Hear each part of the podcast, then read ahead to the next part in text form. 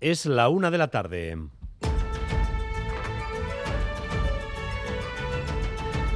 Crónica de Euskadi con Dani Álvarez.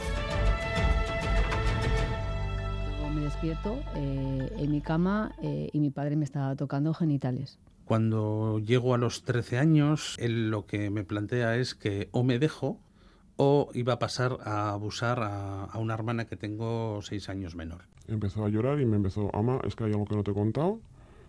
Y el abuelo, el abuelo, el abuelo. Arrachaldeón. Son los testimonios de Gema, Íñigo y Olga. Hoy han venido a Radio Euskadi dispuestos a romper con un tabú, el de los abusos a menores en el seno de la familia, porque el 80% de los abusos a menores ocurren en el hogar. Enseguida vamos a conocer sus durísimas historias. Conscientes del problema, en el Parlamento Vasco los partidos políticos llevan cuatro años trabajando una ponencia que culmina su labor a finales de este mes. Los grupos ya tienen un acuerdo, pero antes quieren ponerlo en manos de las propias víctimas. Xavier Madariaga. Quieren luz verde por parte de las víctimas antes de presentar el informe. Un informe que busca dar atención psicológica especializada desde el minuto cero y también reformar la detección de posibles víctimas en centros escolares y en el ámbito deportivo, siempre teniendo muy presente que la mayoría de casos, como decimos, se dan en la familia.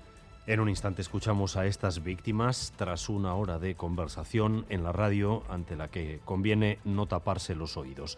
Pero además, cinco días después de las elecciones, ya hay acuerdo de gobernabilidad PNV-PSE. Fermín Alberdi. Nacionalistas y socialistas vascos cumplen con lo de que no marearían la perdiz. Cinco días después de votar tienen el marco de acuerdo cerrado. PNV y PSE estiran el pacto que les une desde hace ocho años al conjunto, se lee, de las diputaciones forales y de los ayuntamientos de Euskadi. Ambos partidos dejan por escrito que van a facilitar gobiernos de coalición, lo que deja abierta la puerta a que, además de PNV y PSE, haya terceros en la fórmula, según la situación en cada municipio.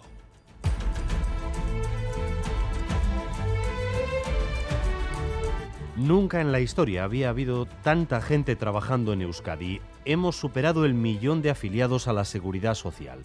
El paro sigue cayendo y el, y el empleo indefinido creciendo. Ander López Lerena. 1.2586 personas trabajando, récord histórico en los datos de empleo en la comunidad autónoma vasca, que viene además acompañado de una bajada en el número de desempleados por cuarto mes consecutivo.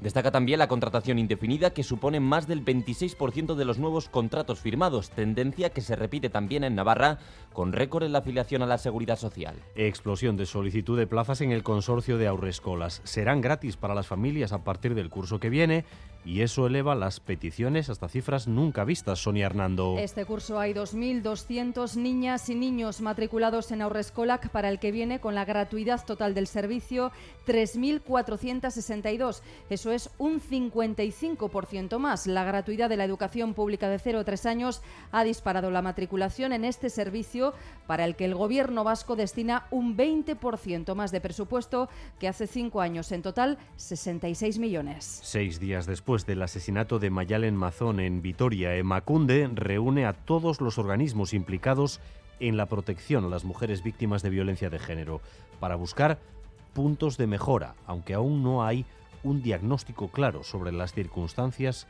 que rodearon al crimen. Natalia Serrano. Sí, la Erchancha ya está en el análisis, según se ha determinado en la comisión reunida hoy, y tiene dos objetivos. Revisar los protocolos que sean necesarios, se nos dice, y mejorar la coordinación con el resto de instituciones y agentes implicados en la protección de las mujeres víctimas de violencia. Y se cita específicamente en esa mejora de coordinación Fiscalía, Judicatura y otros cuerpos policiales del Estado. Y atención, porque en estos momentos SOS Navarra nos informa de un incendio en Cintrúenigo en una planta de reciclaje de residuos y se está generando bastante humo tóxico. ¿Qué está pasando, Aritz Aguirre? Pues concretamente el incendio es en el polígono industrial de Cintruénigo, en la empresa Servicios Ecológicos de Navarra. La planta está en llamas y se está quemando en estos momentos contenedores con material de construcción. SOS Navarra pide a los vecinos que se metan en sus casas y cierren las ventanas para que no entre ese humo de esa nube tóxica formada al arder algunos residuos industriales. Este es el sonido directo del incendio de la misma planta.